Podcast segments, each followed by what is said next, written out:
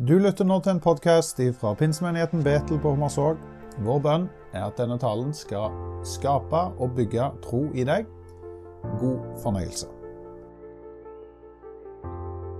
Nå eh, eh, satser vi på eh, at eh, det er stor grad av eh, nåde i forsamlingen her.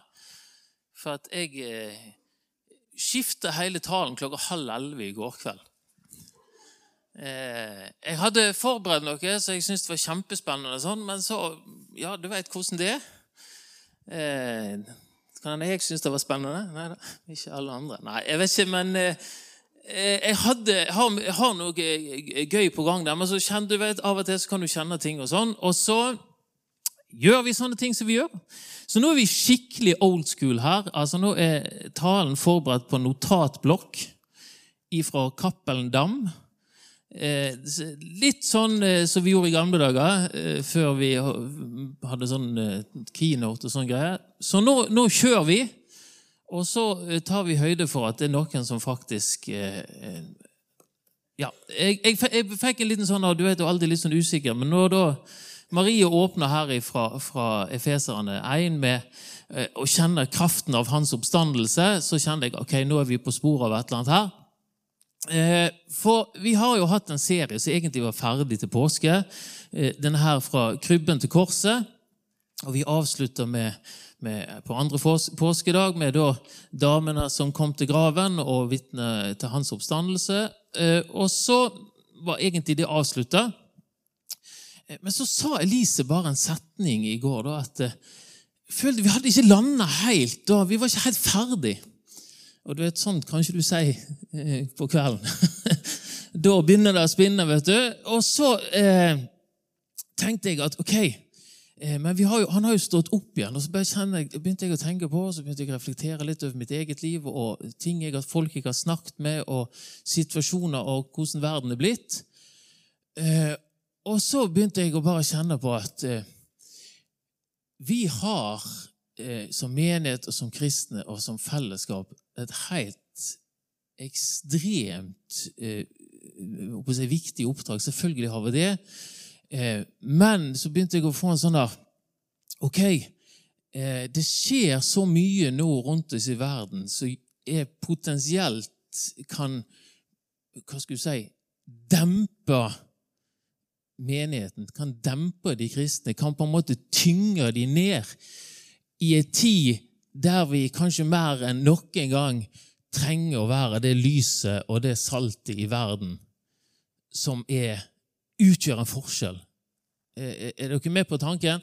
Sånn at når jeg da eh, Ok, Jesus eh, Vi kom fram til korset, men hva gjorde han etterpå? Jo, han sto opp igjen.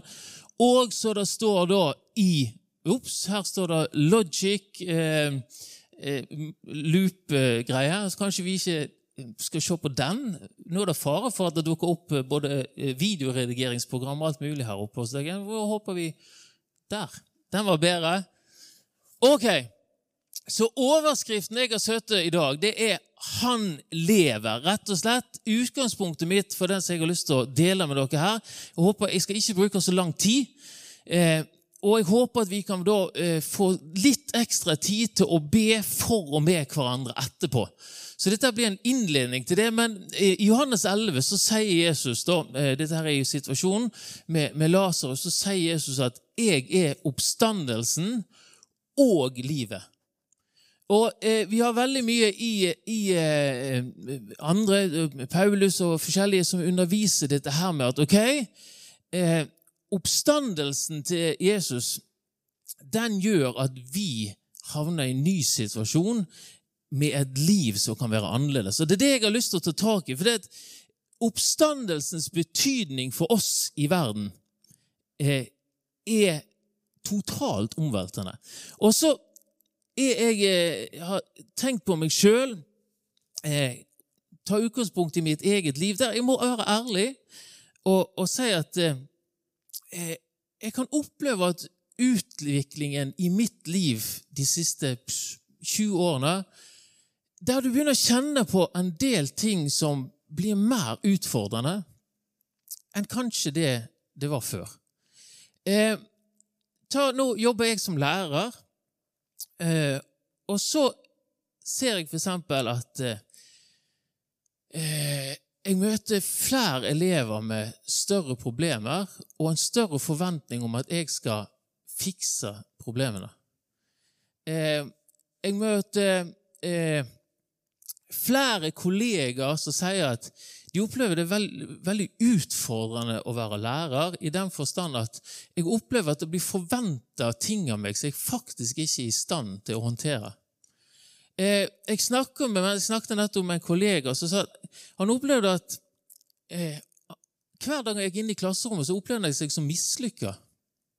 Fordi at bestillingen til hva han skulle klare å få til, var så høy at han ante ikke hvordan han skulle håndtere det. Og så ser jeg at jeg snakker med folk som opplever at eh, eh, det er så mye i livet som på en måte av en eller annen grunn Jeg klarer ikke helt å sitte ordet på det, men jeg opplever at jeg blir mer sliten. Jeg, jeg er sliten uten helt å kunne si hvorfor. Det, det, er så mye som gjør at eh, Det er så mye tanker, så mye jeg skal få til, og så mye jeg skal prestere, at jeg merker at jeg begynner å gå i en spiral av at jeg kjenner at dette her blir litt og litt tyngre og tyngre. Og når det blir tyngre og tyngre, så går det mer og mer og skurrer og går i hodet. Og så opplever jeg at på en måte jeg blir dratt litt ned. Jeg, jeg, ønsker ikke, eller jeg blir en som jeg egentlig ikke ønsker å være. Og så tenker jeg at ok, hva, hva er dette her for noe? Så syns jeg det er interessant, da. Eh, Jesus han eh, snakker om i, i andre ti, eh, Timoteus brev så snakker han om at dere må vite om at i de siste dager så skal det komme vanskelige tider. Og, og så sier han, For da skal menneskene være selvopptatte og pengegriske og brautende, håndmodige og spottende, ulydige mot foreldre, utakknemlige, uten respekt for det hellige, ukjærlige, uforsonlige, baktalende, ubeherska, ondsinna, svikefulle, oppfarende, innbilske osv. Så, videre. så kan vi ha ofte ved forferdelig liste. Men hvis vi bryter den ned, så ser du at alt dette her handler om holdninger det handler om hva som foregår inn i hodet til folk. Jesus sier ikke at det skal komme vanskelige tider, for da blir det krig og sult og hungersnød. Det er ikke det han sier. Han sier at for da skal menneskene være på en spesiell måte. Altså, De skal begynne å tenke annerledes. Man skal være mer selvopptatt. Man skal være mer opptatt av egentlig meg sjøl, min egen nytelse. Eh, det kommer til å føre til at de blir sånn eh, at de i større grad pusher andre til sides. Eh, og så kommer folk til å kanskje oppleve at i dette samfunnet her så begynner det å bli utfordringer. Altså, Jeg begynner å kjenne på at ok, hvordan skal jeg fungere i dette her samfunnet her?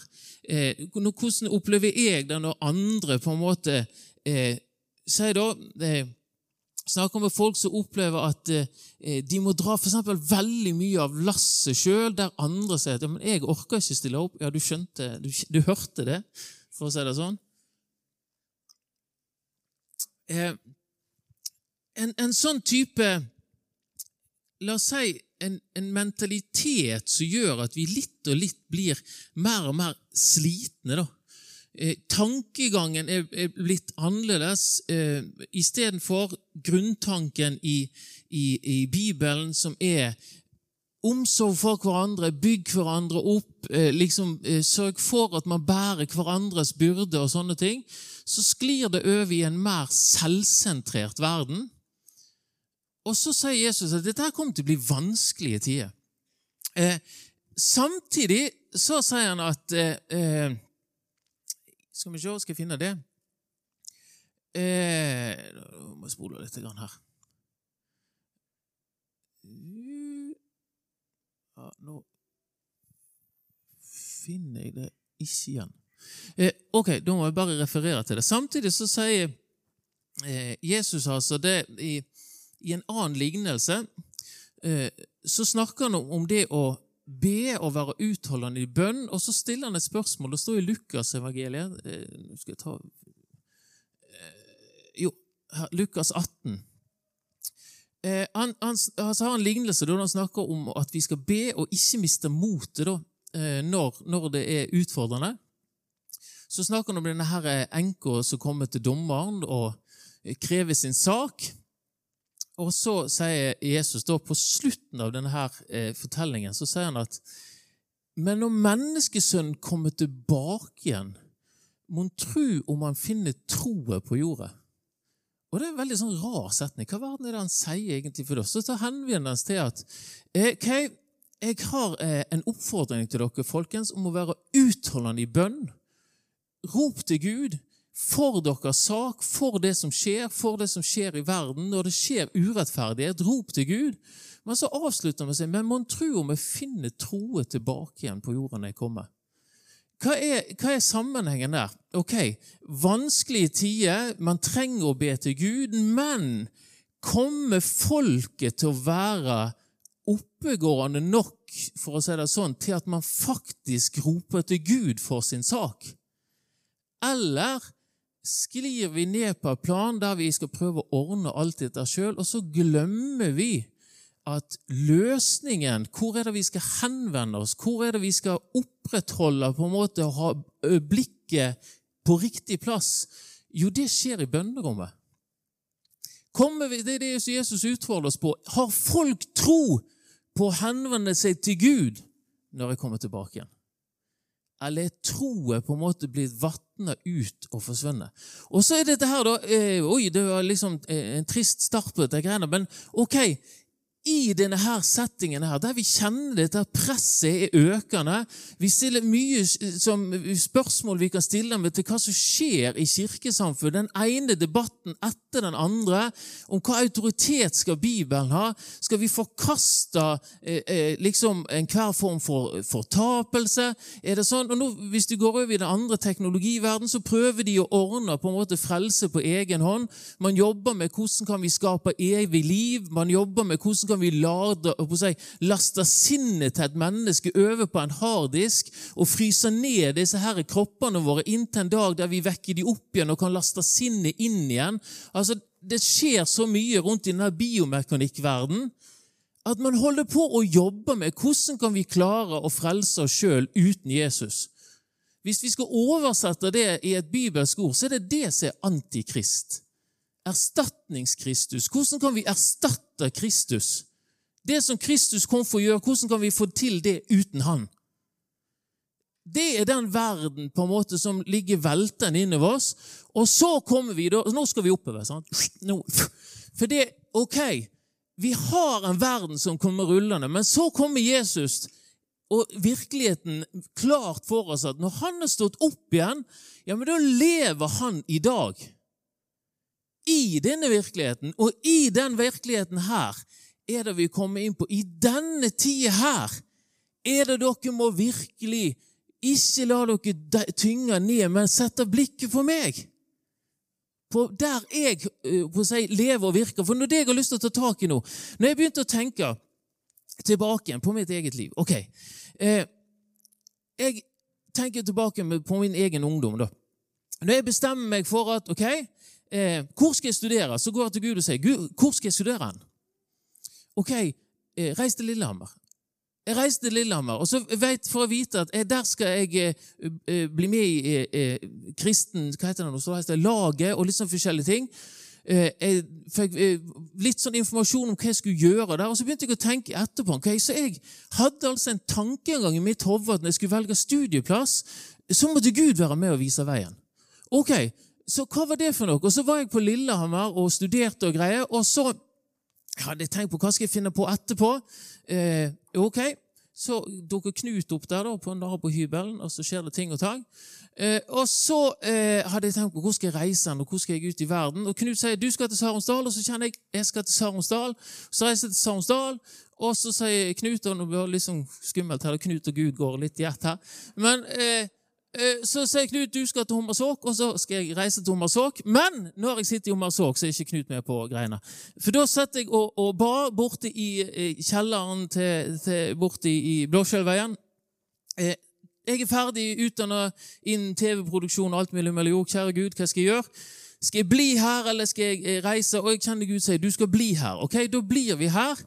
Og så ruslet jeg, og så tenkte jeg på etterpå hva er alle disse tingene i mitt liv som gjør at jeg valgte å liksom gå med Gud i alle disse tingene? Jo, det er fordi jeg hadde fått en klar overbevisning om at han lever, og han leder meg dag etter dag. Jeg hadde to bibelvers som fulgte meg. Det er vel, Hvem er vel et menneske som veit hvor hen han skal gå? Men Herren leder mannens skritt. Og så tenker jeg ok, i et samfunn som eh, nå begynner å bli utfordrende. Jeg merker det sjøl. Det blir vanskeligere å på en måte orientere seg og tenke sånn. Jeg merker det sjøl, f.eks.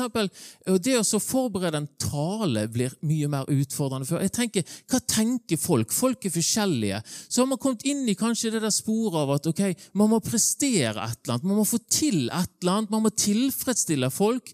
Du merker det på jobb. altså hvordan, hvordan skal jeg på en måte klare å tilfredsstille elevene, sånn at elevene er fornøyd? For vi har jo undersøkelser der de skal komme tilbakemelding. hvor bra jobb gjør du? Og så er man liksom begynner å bli sånn da, Oi sann, hva, hva, hvis de ikke er fornøyd med meg? Vi vet jo det, vi hadde en lærer som gikk inn og så filleriste en klasse. Hun er gått i 60-årene og har trøkk på sakene. Men da sa hun etterpå at nå kommer jeg få til elendig tilbakemelding på vurderingen fordi at jeg satte skapet på plass i klassen. Og det stemte. Og så får du masse sånne ting som gjør at å, jeg skal prøve å liksom klare å få til alt disse tingene her. Istedenfor å tenke ok, Gud, hvordan skal jeg løse denne situasjonen? Så på en måte blir jeg trykt ned av alt dette her som foregår. Og så tenker jeg da Når jeg tilbake igjen eh, hadde en sånn der Ok, jeg husker hver eneste jobbsøknad jeg hadde. Så legg hendene på jobbsøknaden og si Gud, hvis ikke du vil at jeg skal ha denne jobben, her, så må jeg for alt i verden ikke få den. Og så tenkte jeg alt som på en måte var i en sånn tillit til at han lever, han skal leve meg, han har de skrittene som jeg skal gå. Og da endte jeg opp i da etter en stund. Så, så eh, kom jeg liksom det der Jeg kom fra en luthersk bakgrunn. Og så hadde, Nå skal jeg lese litt fra Kolosserbrevet. Så hadde jeg en sånn eh, eh, hva skulle Jeg si, jeg hadde jo ikke lest så veldig mye Bibel før, så når jeg las Bibelen, så var det omtrent som å gjøre alt for første gang. Det var sånn wow! Og så kom jeg til et eh, kapittel i Kolosserbrevet eh, der det, kom, det står i Kolosserne 3,1 så står det Er dere oppreist med Kristus, så søk det som er der oppe. Eh, der Kristus sitter ved Guds høyre hånd. Og så leste jeg da, hva, er dette oppreist med Kristus? det er det for noe? Og så leste jeg tilbake igjen da, i kapittel 2. Så står det da at eh, dette her er kobla på dåpen. Sant? Der står det For i dåpen ble dere begravet med Han, og i den ble dere også oppreist med Han ved troen på Guds kraft. Og så tenkte jeg at her er det et eller annet jeg ikke har fått tak i. Det er et eller annet i livet mitt helt som ikke er på plass her. Jeg kjenner ikke liksom min identitet i at jeg er oppreist med Kristus. Jeg kjente at jeg måtte bli døpt. Ok? Eh, så eh, var det sånn at eh, masse fram og tilbake igjen, og eh, eh si, tok et par år der. Men eh, responsen på at jeg kjente at her er det et eller annet Gud vil min vei, det var at for det første så kjente jeg at jeg må få begravd mitt eget liv. Og i denne begravelsen, så det står her, sant, i dåpen blir dere begravd med Han, og i Han blir dere også oppreist ved troen på Guds kraft. Ok? Når du kjenner denne koblingen med at Jesus er stått opp igjen, og han lever i dag, den koblingen er kobla sammen med vår egen dåp av å begrave vårt eget liv og stå opp igjen for å leve for han. Det står i Romeren 8. sant? Kristus er den som døde, ja, mer enn det. Han sto opp igjen og sitter ved Guds høyre hånd. Ok? Og så står det videre, og han ber for oss. Jeg skal komme tilbake litt til det verset. Men denne her, som, Maria eh, innleder med i Efeseren 1, det er at, at vi kan kjenne kraften av hans oppstandelse. Den kraften der den skal òg lede til et nytt liv. Og Det er der jeg har lyst til å avslutte i denne eh, innledningen. her. Det er at når da jeg opplevde at jeg kunne få lov til å gå til dåpen, ble døpt da i oktober, eh, steinkaldt, litt før isen la seg da på Mjøsa, men den jeg kunne få lov til å kjenne at jeg eier denne her begravelsen av mitt eget liv, Og så får jeg òg del i hans oppstandelse. Så kjente jeg at her må det være noe annerledes i etterkant. Det må være noe annet etterpå enn før. Og da står det er dere da oppreist med Kristus, så søk det som er der oppe, der Kristus sitter ved Guds høyre hånd. La deres sinn være vendt mot det som er der oppe, ikke mot det som er på jorden. Så, ut, så står det videre for versene, så døder deres jordiske lemmer, utukt, urenhet, syndig lidenskap, ond lyst, pengegriskhet, som er avgrunnsdyrkelse, osv. Nå må dere legge av alt slikt, vrede, hissighet, ondskap, spott, skamlig snakk fra deres munn. Lyv ikke på hverandre. Dere har jo avkledd det gamle mennesket og ikledd det nye mennesket, som blir fornyet kunnskapen, eh, eh, til kunnskap etter sin skapers bilde og så videre. Så står det da altså at koblingen mellom oppstandelsen av Han lever og vårt liv, det er at vi skal være annerledes i en verden som begynner virkelig å tenke annerledes enn det Bibelen sier. Jeg snakket litt med Kåre Skuland sist her. Han stilte store spørsmål med hvordan kommer dette her til å gå når vi forkaster Bibelen og kristendommen som rettesnor for samfunnet. Humanisme, demokrati, alle disse verdiene som samfunnet vårt er bygd på, kommer ut ifra en kristen tanke. Og Dere kan tenke dere de landene i verden som ikke har en kristen bakgrunn. Hvor mange av de er demokrati? Hvor mange har et humanistisk en type, altså Ikke humanistisk som, som har en humanetisk forbund, men setter uendelig verdi på mennesket. Altså, hele samfunnet vårt er bygd opp på en tankegang som stammer ut ifra en kristen tankemøte, som nå er i ferd med å skli ut. Man forkaster Bibelen, man forkaster kristendommen. Eh, det, man vatner ut det innholdet som er der.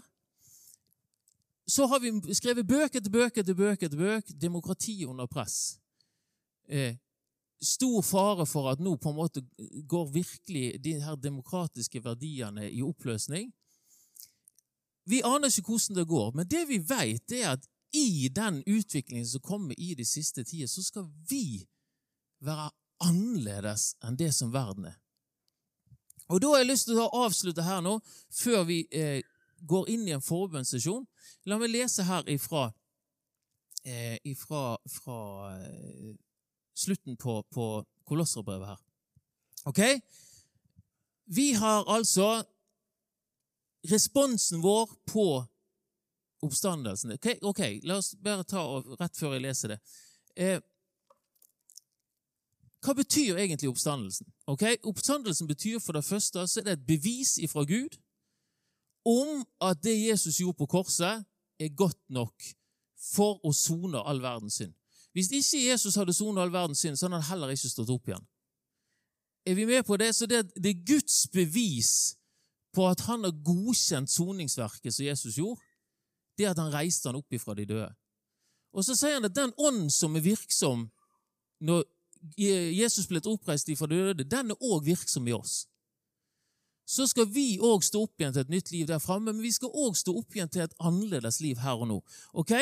Så Jesus han har overvunnet døden. Han sier at vi skal leve om vi enn dør. Ok? Og Den siste fienden eh, som skal, skal, gå til slutt, det er jo døden. Den siste fiende, så vi skal ha evig liv.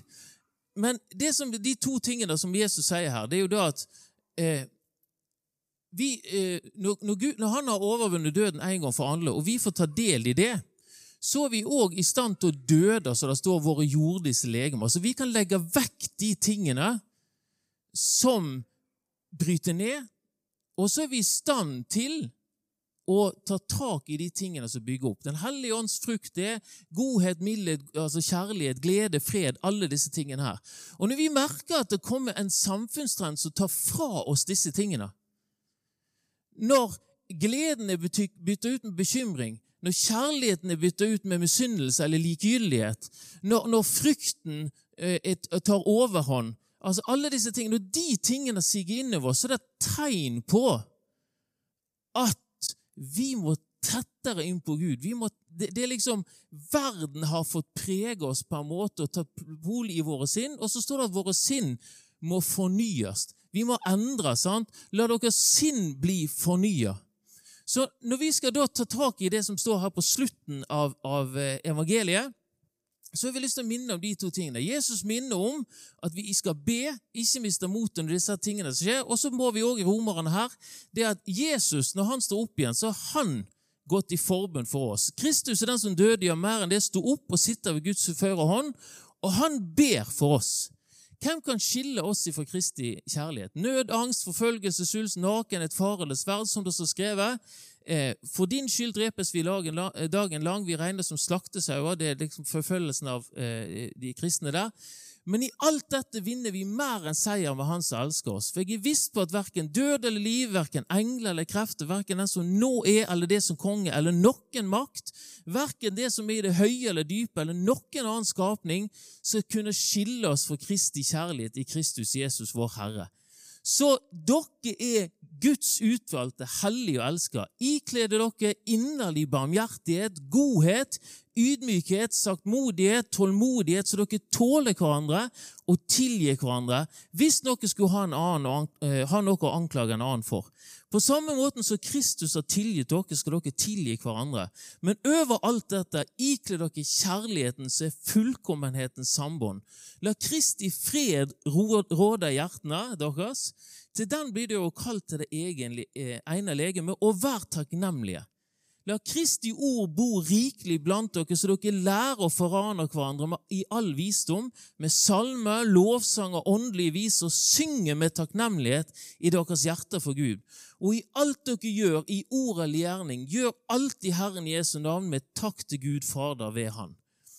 Ok, hva er oppfordringen? Jeg ønsker at vi skal gå inn i en forbønnssesjon. For hva er oppfordringen? Det er når verden røyner på, så er vi i en situasjon der vi kan være annerledes pga. at Jesus har stått opp igjen, og han lever, og det livet han lever, kan vi få lov til å ta del i. Sånn at Jesu liv Han sier 'Jeg er oppstandelsen og livet', og jeg kaller dere til å leve et annerledes liv i den verden dere lever i nå. Der vi har hatt en tradisjon, en arv med oss av at ja, hele samfunnet var jo mer eller mindre kristen, så vi tenkte ikke kanskje så mye på det.